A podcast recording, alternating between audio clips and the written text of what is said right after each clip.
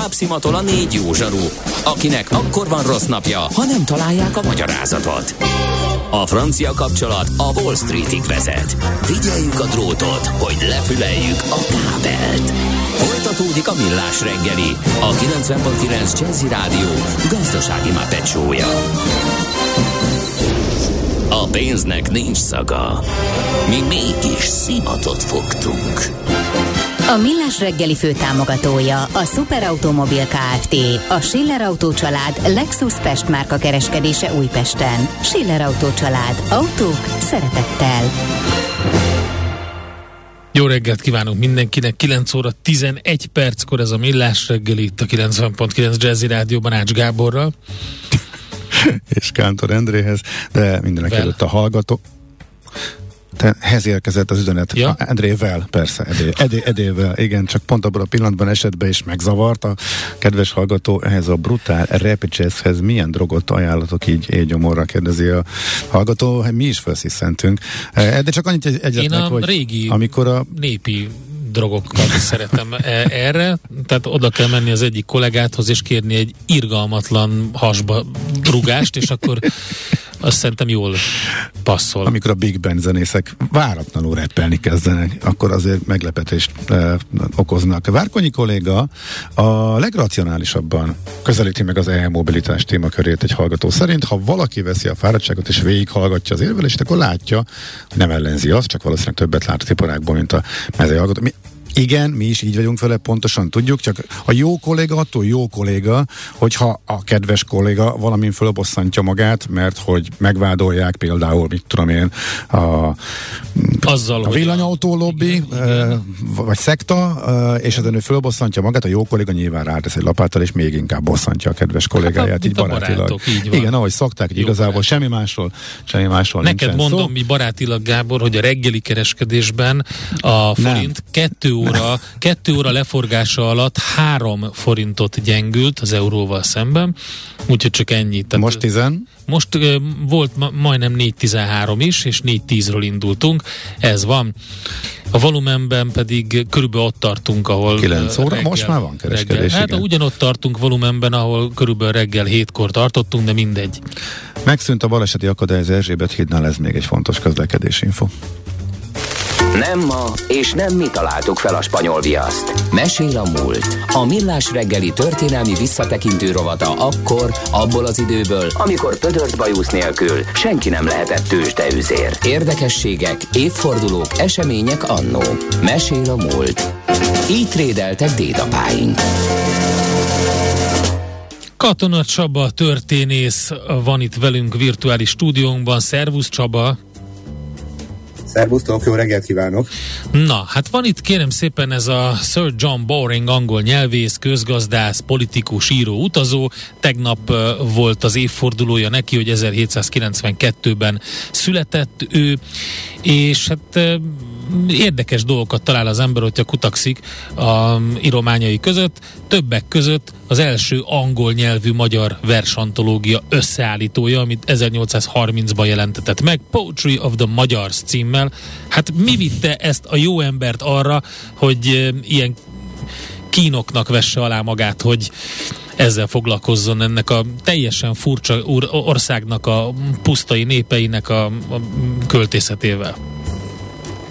Hát valószínűleg egy sajátos motiváció dolgozott benne, mert ha megnézzük az ő életét, akkor látni fogjuk, hogy egyfelől van benne egy valóban egy közgazdász végzettség, van benne egy kíméletlen politikus, aki a brit birodalom érdekeit szolgálja mindenek felett is tö- tökéletesen korlátok nélkül, másról viszont van benne egy nagyon erős nyelvészeti érdeklődés, Aha. Aha. és ez egy nagyon lényeges dolog az ő esetében, mert ha megnézzük a különféle munkáit, amit letett az asztalra, akkor kiderül, hogy foglalkozott ő például az orosz költészettel, tehát csak egy példa, batáviai, meg holland költészettel, spanyol költészettel, amiből az derül ki, hogy igazából nem lehet úgy leírni, hogy ő kifejezetten a magyar irodalom iránt érdeklődött, hanem egész egyszerűen volt benne valamiféle olyasmi belső késztetés, ami minden létező nyelv kis túlzással irodalom iránt elindította az ő érdeklődését. Ha maradjunk közép-kelet-európánál, például szerb vagy lengyel gyűjteményei is volt neki, még a magyart megelőzően. Úgyhogy valószínűleg ő úgy állt neki ennek a dolognak, hogy szépen tételesen végig megy a különféle népek éppen aktuális kortárs költészetén, és így került sor a magyarra is, ami azért meglepő egyébként, mert a hogy említettem, alapvetően a brit birodalomnak egy olyan tisztviselőjéről beszélünk, aki hát nem a finom lelkéről volt feltétlenül levezetes, és majd erre mindjárt rá fogunk térni. Oké, okay. nagyon érdekes egyébként, hogyha, bocsánat, a, a, az antológiának a, az első sorát, amikor átolvastam, akkor jókat kacagtam közben.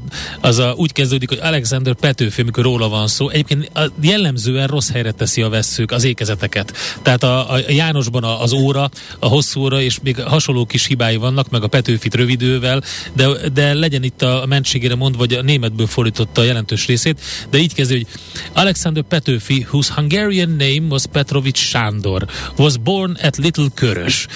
és, és, és, azért tök jó ezt így angolul olvasni, érdekes. Ez ugye ne felejtsük el, abban a korban vagyunk, amikor nincs még magyar helyesírás, következésképpen itthon is mindent úgy írtak le, ahogy jött, hát külföldön aztán főleg. Aha. Én magáról Petőfiről talán annyit, hogy van a 19. századnak egy egészen kiváló a korabeli porosz társadalomnak a remek, remek porosz társadalmat remekül tükröző regényeket író, egyébként francia Hugenutta leszármazott írója, Theodor Fontane, és neki van egy Gráf Petőfi című regénye egyebek mellett, ezt magyarra talán le se fordították. Semmi köze nincs Petőfi Sándorhoz, csak ugye a név ahogy eljutott oda is, és akkor gondolta, hogy ír egy ilyet. És hát ha már a névnél vagyunk, akkor ugye azt se felejtsük el, hogy uh, Boringot azt nagyon gyakran szokták úgy emlegetni, Browning. Nagyon könnyű összekeverni. Igen, igen. Ugye, kezdjük ott, hogy élt köztünk valamikor egy John Moses Browning nevű úriember, aki Utah államban született Ogden városába. Hát ő maradjunk annyiban, hogy más területen alkotott maradandót.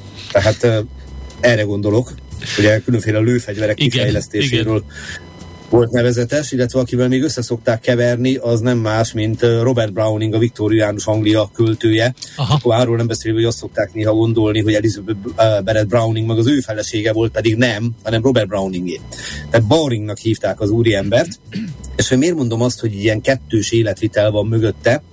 Hát volt benne egyfajta forradalmi lelkesedés, ezt, ezt ne vitassuk el. Tehát például, amikor a görögök a szabadokért küzdöttek, akkor ő példaképének tekintette Lord Byron-t, aki ugye elment harcolni a török elnyomás ellen, mint az közismert az életével lakolt ezért a döntéséért. És hát a, vannak ilyen városi legendák, ezeket persze nehéz ellenőrizni, hogy a a ugyancsak lelkes Bauring, mint olyan, az uh, ugyancsak elutazott Görögországba, hogy harcoljon a görögök felszabadításáért, és állítólag Byronnak a holtestét nekiküldték haza egy rumos hordóba. Most vagy így van, vagy nem. Maradjunk annyiba, hogy ezek, ezek ilyen jól hangzó dolgok de ebbe elég nehéz belemenni. Viszont ami biztos, hogy ez az úriember, ez igyekezett szolgálni rendesen a brit birodalmat. Kereskedelmi dolgokkal kapcsolatban folytatott tárgyalást, szabad kereskedelmet igyekezett elősegíteni, aztán gyakorlatilag magáncsődbe ment. Tehát nagyon érdekes dolog, hogy miközben arról beszélünk, hogy egy a, a brit államot képviselő végzett, tehát végzettségét tekintve közgazdász úriember, a magánügyeit tekintve egész egyszerűen csinál egy olyan elhibázott befektetést, aminek nyomán 1848-ban gyakorlatilag tökéletesen csődbe megy. Tehát itt van egy sajátos ellenmondás, de hát mindenkivel előfordult már, hogy hibázott, valószínűleg ő is, és aztán kinevezi konzulnak kontomba, tehát közvetlenül a saját úgymond pénzügyi csődje után, ami nagyjából azt jelenti, hogy valószínűleg a vagyona az elszállt, a pénzügyi háttere megrendült, de mint hivatalnokot értékesnek tekintették. Így került aztán kantonba, itt aztán lovaggá ütötték, és innen jön az életének az a érdekes szakasza, amire azt lehet mondani, hogy tényleg a brit gyarmatosítás kíméletlen képviselője Hongkongba lekerül kormányzóként, és hát egy olyan ember, aki élénken érdeklődik más nemzetek néprajza iránt, az meglehetős érzéketlenséggel kezeli a helyi érdekeket, meg a helyi érdekek képviselőit, tehát egész egyszerűen csak és kizárólag a erő nyelvén hajlandó tárgyalni a helyiekkel, és hát állítólag elég komoly része volt neki abban, hogy kitört a második uh, ópium háború, mert hogy ő volt az, aki elrendelte kanton ágyúzását. Ja, értem. Hát, hát ez, ez nagyon kemény. Oké. Okay. És ugye azt se felejtsük el, hogy miről szólt az ópium háború, ugye arról, hogy Kínát meglehetősen hát agyonvágta az ópiummal való kereskedés, viszont ez meg az európai államoknak az érdekében állt, mert ebben az időben nem üldözték a kábítószert, hanem hát ők kereskedtek vele.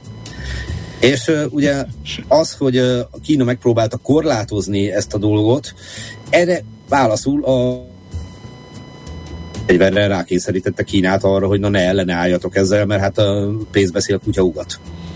Hát igen, meg ugye rögtön a, ott, ott is ott volt a, a, a jó nagy piac, meg egyébként is akkor, akkor nyugodt a nép, hogyha az ópium felhőjében tartózkodik éppen, és akkor így, így mindenkinek jó volt. Mármint a nyugati oldalon, persze nyilván a kínai oldalon meg nem. Aha.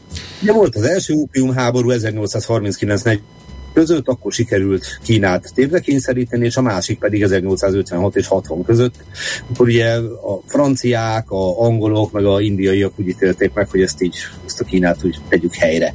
És hát helyre is tették. Tehát ez, a klasszikus, tényleg gátlástalan gyarmatosító háború, óriási létszámfölényben voltak jelzem a kínaiak, de hát nem voltak korszerű fegyvereik, tehát ilyen Igen. értelemben esélyük se volt. Viszont ami ennél szerintem érdekesebb az magyarok iránti érdeklődése. Tehát ez a kötet, ez valóban Nyugat-Európában úgymond átütötte a falat, tehát tényleg az első magyar nyelvű gyűjtemény. Nagyon érdekes megnézni, mert ebben a kötetben megtaláljuk a, a legjobbakat is. Tehát ez alatt értem, hogy van benne Vörös Marti, van benne Kazinci uh-huh. Ferenc, Petőfit te is említetted. Tehát, hogy tényleg Kölcsei, Kisfaludi Sándor. De találunk benne aztán olyan neveket is, amivel ma már szerintem senki semmit nem tud kezdeni. Például, ha azt mondom, hogy Buci Emil CZY-nal, akkor felkapjuk a fejünket, hogy ah, micsoda poéta. Oké. Okay. Sose hallottam. Ugye?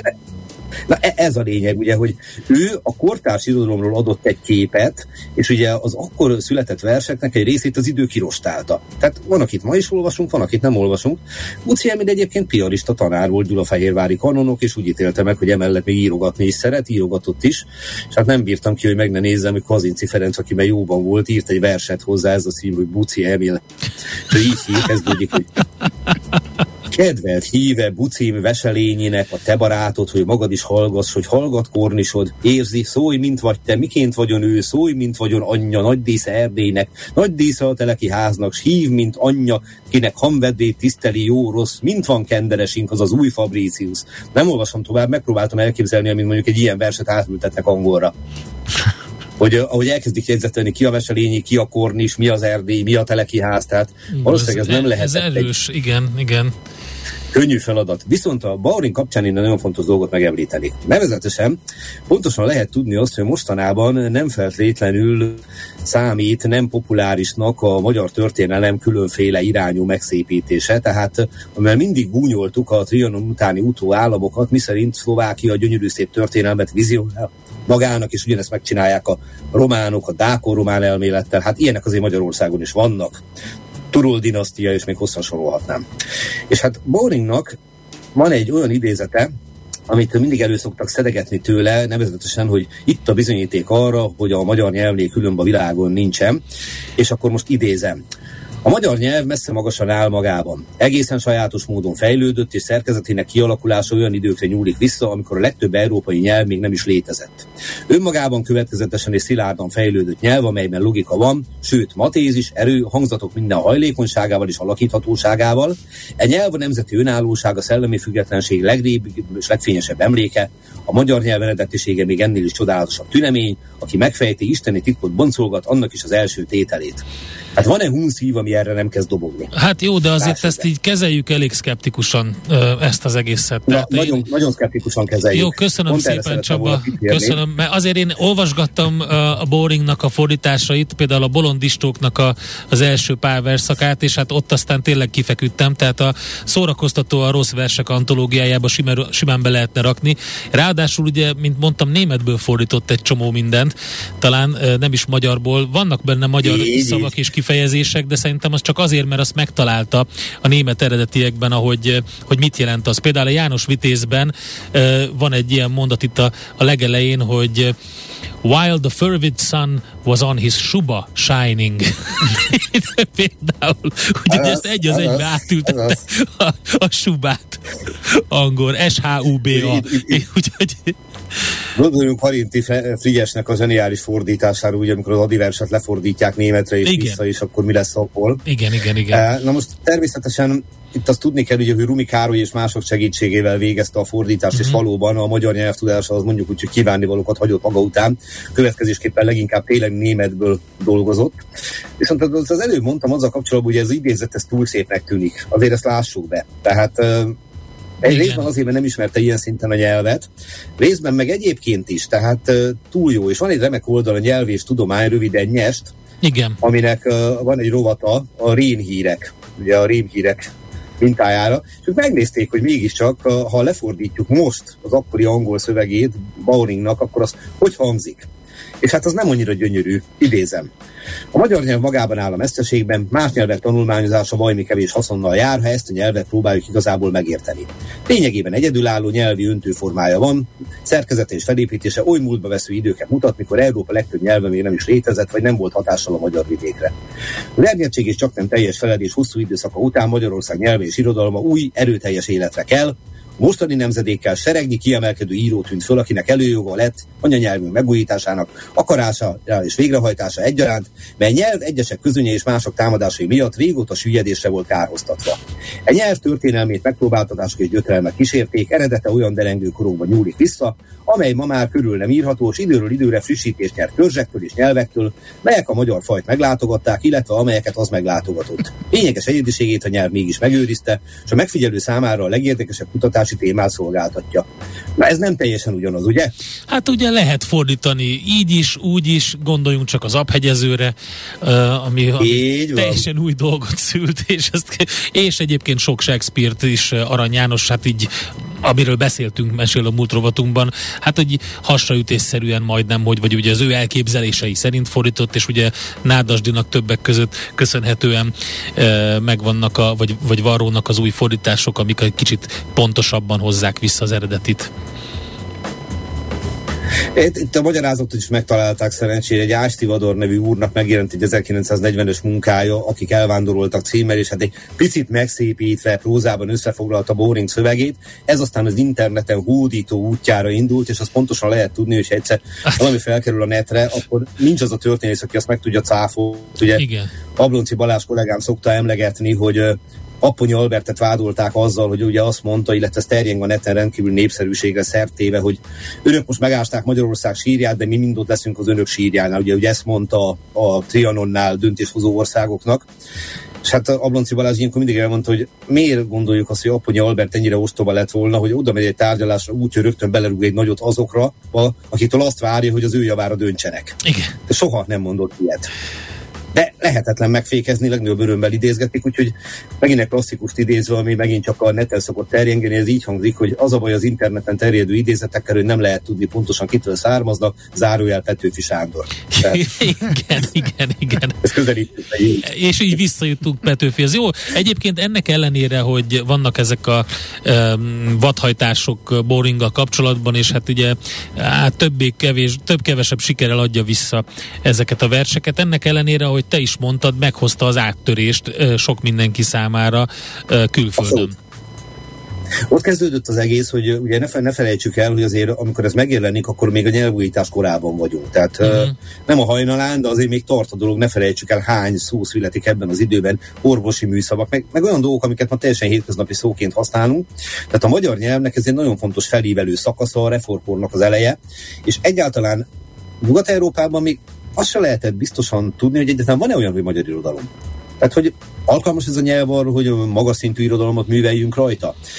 Most magyarul ugye kevesen tudtak ebben az időben is külföldön, és azzal, hogy Boring megtette nekünk ezt a szolgálatot, hogy a, a lengyelek, a csehek, a szerbek, az oroszok után... Tehát pont az a, a fajta nemzeti um, hevület időszaka, ugye, ami, ami hát nyilván elhozza 1848-at, 49-et is később. Ez Tehát a nemzeti ébredés kora, ugye 1825-ben jelenik meg az Alán futás, onnantól számítjuk ugye a reformkort, tehát valóban a magyar nemzeti literatúrának az egyik aranykoráról beszélünk, ugye azt szokták mondani, hogy ha van aranykora a magyar irodalomnak, amikor több zseni egyszerre tűnik föl, az egyik ugye a reformkor, gondoljunk itt Vörös Marti Mihályra, Petőfi Sándorra, Kölcsei Ferencre, és a másik pedig a nyugat nemzedéke, és pontosan ebben az időszakban csinálja meg azt, Boring, hogy ezt, ezt a fajta magyar irodalmat, ezt Nyugat-Európában interpretálja. Úgyhogy ráadásul azt kell mondjam, hogy még szerencséje is volt, mert pont akkor sikerült figyelmet fordítani a magyar irodalomra, amikor az úgymond a csúcson van. Aha.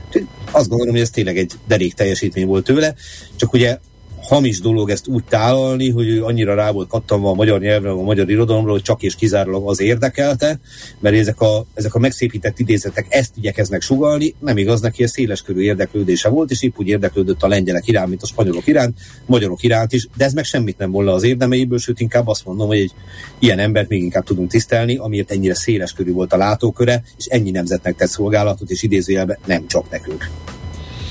Hát zseniális, köszönjük szépen Csaba.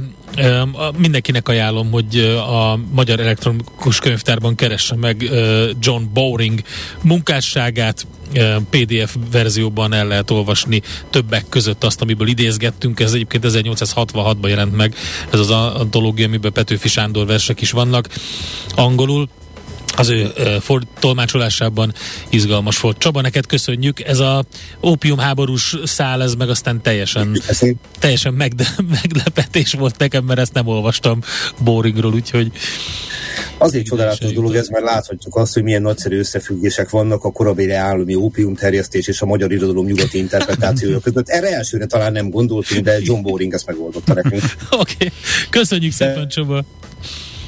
Szép napot neked, jó munkát! Sziasztok, minden jót! Sir John Boringról beszélgettünk Katona Csaba történésszel. Mesél a múlt robotunk hangzott el. Kövesd a múlt gazdasági és tőzsdei eseményeit kedd reggelenként a Millás reggeliben. Szerintem a következő felvétel is egyféle fordítás, tolmácsolás mindenképpen. Van, aki, aki az eredeti műveket szereti, nem tetszik, de szerintem ö, lehet azt mondani, hogy ö, akkor nem lopás, amikor a feldolgozás, hogyha jóra sikerül. Úgyhogy... Ez mindig nagyon megosztja a hallgatókat, hogy nagyon kíváncsian várom. Ez a mondat, tehát ez a, ez a mondás. Ha jó lett, akkor az nem lopás. Kősdei és pénzügyi hírek a 90.9 jazz az Equilor befektetési ZRT ZRT szakértőjétől. Equilor, az év befektetési szolgáltatója. Deák Dávid üzletkötő a vonalban. Jó reggelt, szervusz! Sziasztok, jó reggelt, üdvözlöm a hallgatókat! Na, nézzük akkor, hogy mi történik a budapesti értéktősdén, hogyan reagálunk erre a tegnapi amerikai jó hangulatra. Mi is, és egész Európa is nagyon jól reagál erre a tegnapi hangulatra. A Budapest értéktőzsde 8%-os pluszban 857 millió forintos forgalom mellett, tehát a forgalom az meglehetősen alacsony, de a mozgás mindenképpen pozitív kilátásokra ad okot. Hazai tőzsdén igazából az OTP húzza magával a forgalomba a Bux Indexet 8714 forinton a hazai bankpapír 1,3%-os plusznak felel meg. MOL, MOL is kis pluszban 0,4%-ot emelkedik 2468 forint, Richterben mostanában nagyon alacsony a forgalom, főleg így reggel, ez ma is elmondható, viszont emelkedik 7%-os pluszban 8040 forinton áll, a Telekom is szépet megy 1,4%-os pluszban 285,5 forint most ebben a pillanatban. Na, jó van akkor, és a maga a forintunk, hogyha már a forintokkal mondtuk az árfolyamokat természetesen a Budapest értéktősdéről, a forintunk hogy áll? Forintunk is igazából mondjuk azt, hogy tartja az elmúlt napok jó hangulatát, egy euróért jelen pillanatban 413 forint 30 fillért, míg egy dollárért 419 forint 75 fillért kell fizetni a bankközi devizapiacon. Nagyobb keresztekbe egyébként a dollár egy picit gyengül, és ez segíti is a régiós devizákat, euró-dollár kereszt 0,98-45-ön áll jelen pillanatban. Hogyha közelítenénk a paritást, valószínűleg tovább segíteni ezt a forintot a mai kereskedésben is. Jó. Okay. Jön-e valami fontos esemény, ami befolyásolhatja még a hangulatot, amitről Mai nap tudjunk, hogy nagyon érkezik? fontos eseményt nem látok. A holnapi nap reggel egy konferencián fog beszélni Varga Mihály és Navracsics Tibor mellett Virág Barnabás is. Forint szempontból szerintem a holnap délelőttöt mindenképpen érdemes figyelni. Egyébként nagyon fontos makroadatot, amit hazai piacot befolyásolna, nem látok most. Oké, okay. nagyon szépen köszönjük, szép napot, jó munkát! Köszönöm, szép napot, szia, szia! Deák Dávid üzletbe, üzletkötővel beszéltük át azt, hogy hogyan nyitott a Budapesti értéktősde, és hogy milyen trendek bontakoznak ki a piacon. Tőzsdei és pénzügyi híreket hallottak a 90.9 jazz az Equilor befektetési ZRT szakértőjétől. Equilor, az év befektetési szolgáltatója. A kultúra, befektetés önmagunkba, a hozam előrevívő gondolatok. Könyv, film, színház, kiállítás, műtárgy, zene. Ha a bankszámlád mellett a lelked és szürke állományod is építeni szeretnéd. Kultmogul. A millás reggeli műfajokon és zsánereken átívelő kulturális hozamgeneráló rovata következik. Hát egy nagyon komoly és rangos szakmai elismerést kapott a Budapesti Fesztiválzenekar, hiszen a Budapesti Fesztiválzenekart választották az év zenekarának a Gramofon díj eh, gála rendezvényen Londonban. Ugye ez egy a világ legrangosabb komoly zenei szaklapja, és ennek elismerése ez, amivel a Budapesti Fesztiválzenekar például a Bécsi Filharmonikusokkal és a Bajor Állami Zenekarral versengett. Úgyhogy itt van a Budapesti Fesztiválzenekar eh, menedzser igazgatója Erdődi Orsolya a vonalban. Jó reggelt, szervusz! Jó reggelt kívánok, szeretettel köszöntöm a hallgatókat is. Hát add gratuláljunk, akkor mi is, bár szerintem Londonban ez nagyobb élmény volt ezt a gratulációt élvezni.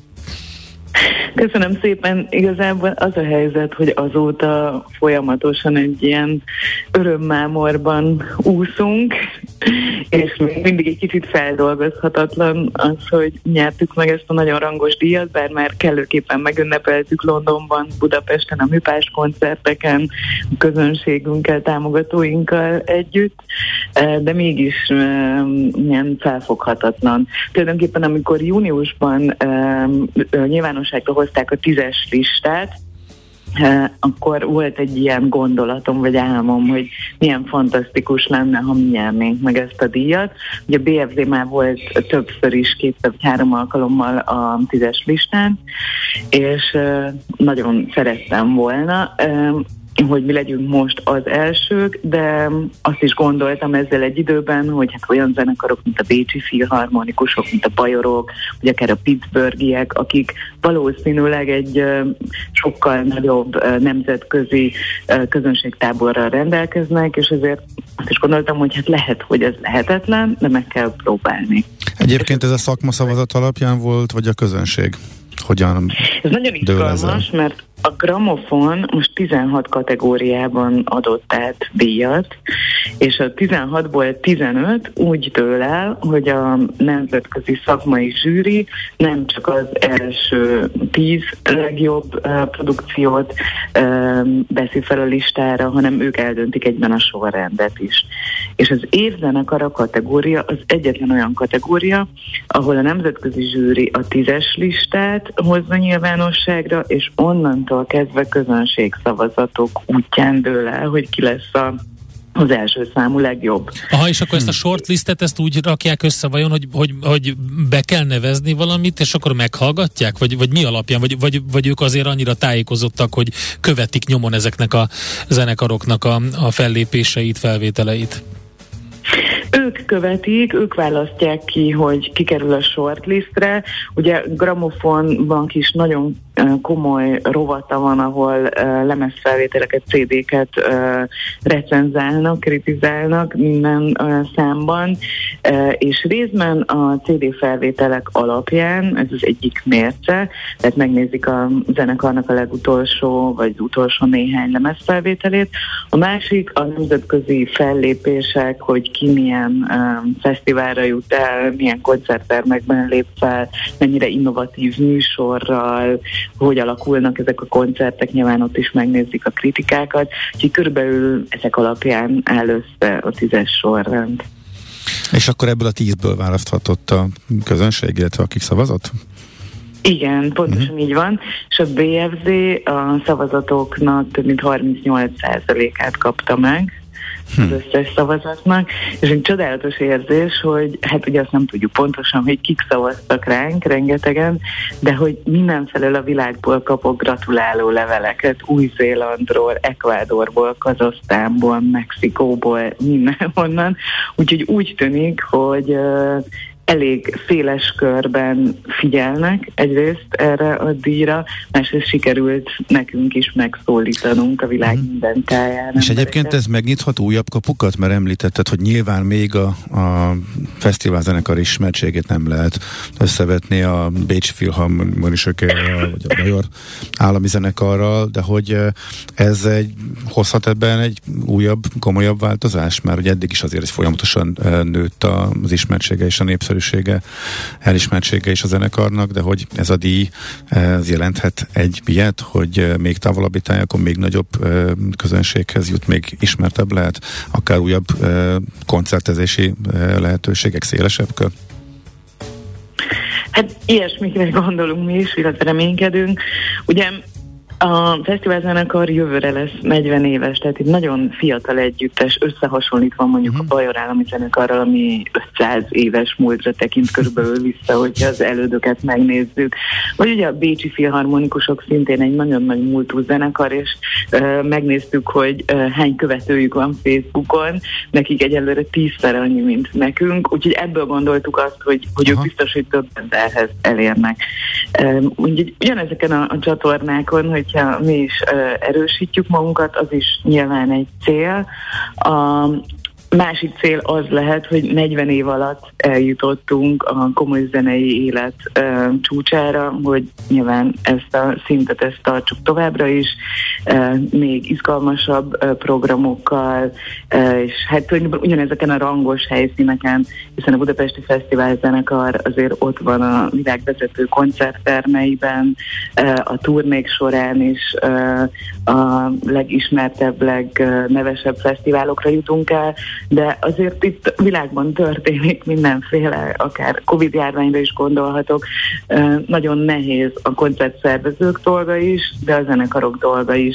És azt gondolom, hogy tartani a pozíciót, jelen lenni a vezető helyszíneken, az ugyanolyan nagy kihívás, mint a feltörés. Beszéljünk akkor egy picit a, arról, hogy mivel készültök a továbbiakban így az év vége fele, illetve jövő tavasszal, vagy, tav, vagy jövő év elején, ha, ha már arról esett szó, hogy hol tudtok ott lenni. Igen, meddig láttok előre, meddig mennyire előre tudtok tervezni? Hát nagyon izgalmas, hogy mi 2025-ig tervezünk most, illetve már a 2024-25-ös évadot, annak a turnéit. Ugye egy zenekar életének a tervezése, legalábbis a BRT-nél általában úgy kezdődik, hogy, hogy egy adott zenei évadnak vagy szezonnak a külföldi állomásait, a koncertturnékat és a budapesti nagyzenekari koncerteket tervezzük meg először, ezek a dátumok uh, vannak fixen. Általában nekünk uh, Fischer Iván vezette nagyzenekari koncertekhez mindig kapcsolódik egy nemzetközi turné.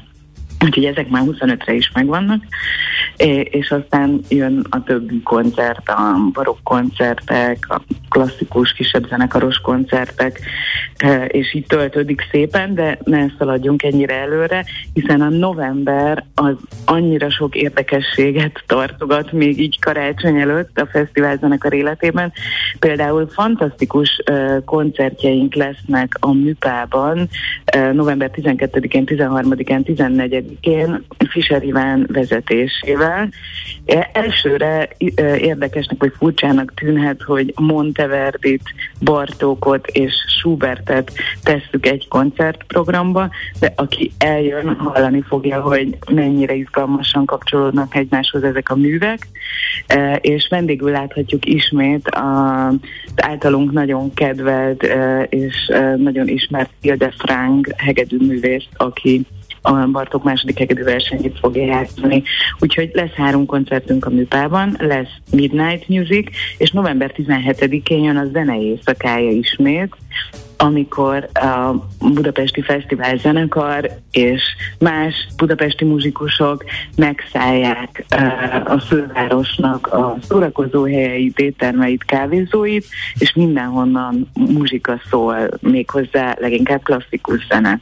Nagyon izgalmas ez is. Ez nekem tetszik, amikor ilyen, ilyen, ilyen hogy is mondjam, ne, nem, nem, nem, tehát pozitív értelemben ember közelbe kerül az ember a, ezekkel a zenészekkel, ugyanúgy, mint a, a Covid alatt ezek a kis koncertek hasonlóképpen. Persze egy kávéházi hangodban sokkal jobb lenni.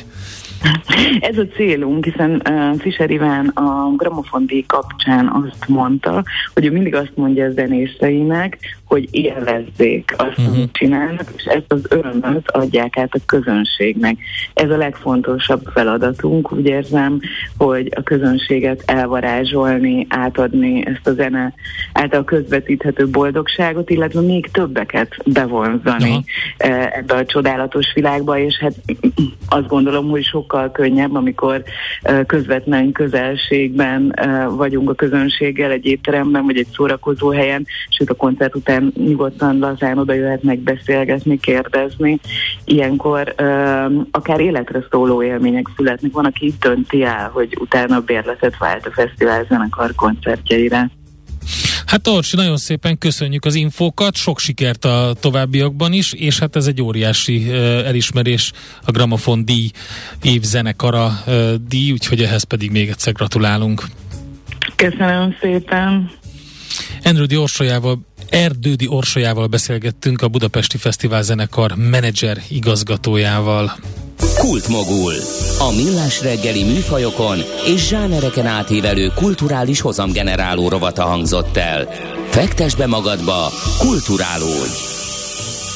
Na, akkor Azért meg 0 30 20 10 9 0 9 még egy rövid ideig az üzenetek. Hát remélem lesz annyi tartó étterem még Budapesten ja.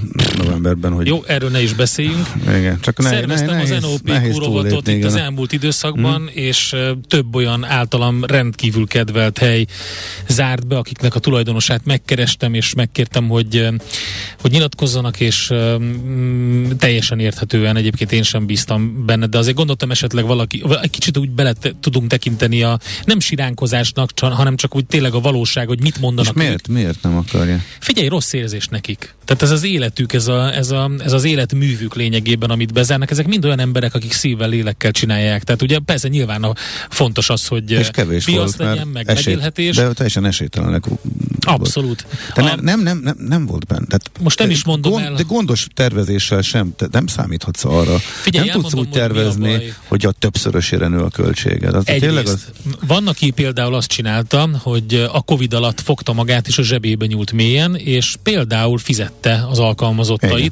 addig, amíg nem tudtak kinyitni. Hát, e, Oké, okay, volt, aki ehhez kapott támogatást is, de nem mindenki. Ott azért legalább lehetett sejteni, illetve bízni abban, hogy lemegy a bízni. járvány, meg tudtuk, hogy jönnek az oltások, azok segítenek, tehát ott azért mindig látta, úgy hát láttad a mondta, vé- optimistán, de láttad a végét. Igen, igen, igen. De most jelenleg az, az a helyzet, hogy nagyon sokaknál az van, hogy, hogy amikor azt mondja, hogy ezt nem tudja finanszírozni, az azt jelenti, hogy mondjuk, mit tudom én, kisebb helyeken dolgoztak mondjuk hatan heten, vagy mit tudom én, tíznél kevesebb ember, ott el, elmentek, a, a, elmentek körülbelül hárman, négyen azért, mert találtak munkát, jobban fizető munkát máshol, nem csak külföldön, hanem Magyarországon más területen is, tehát ez mind a kettő benne van.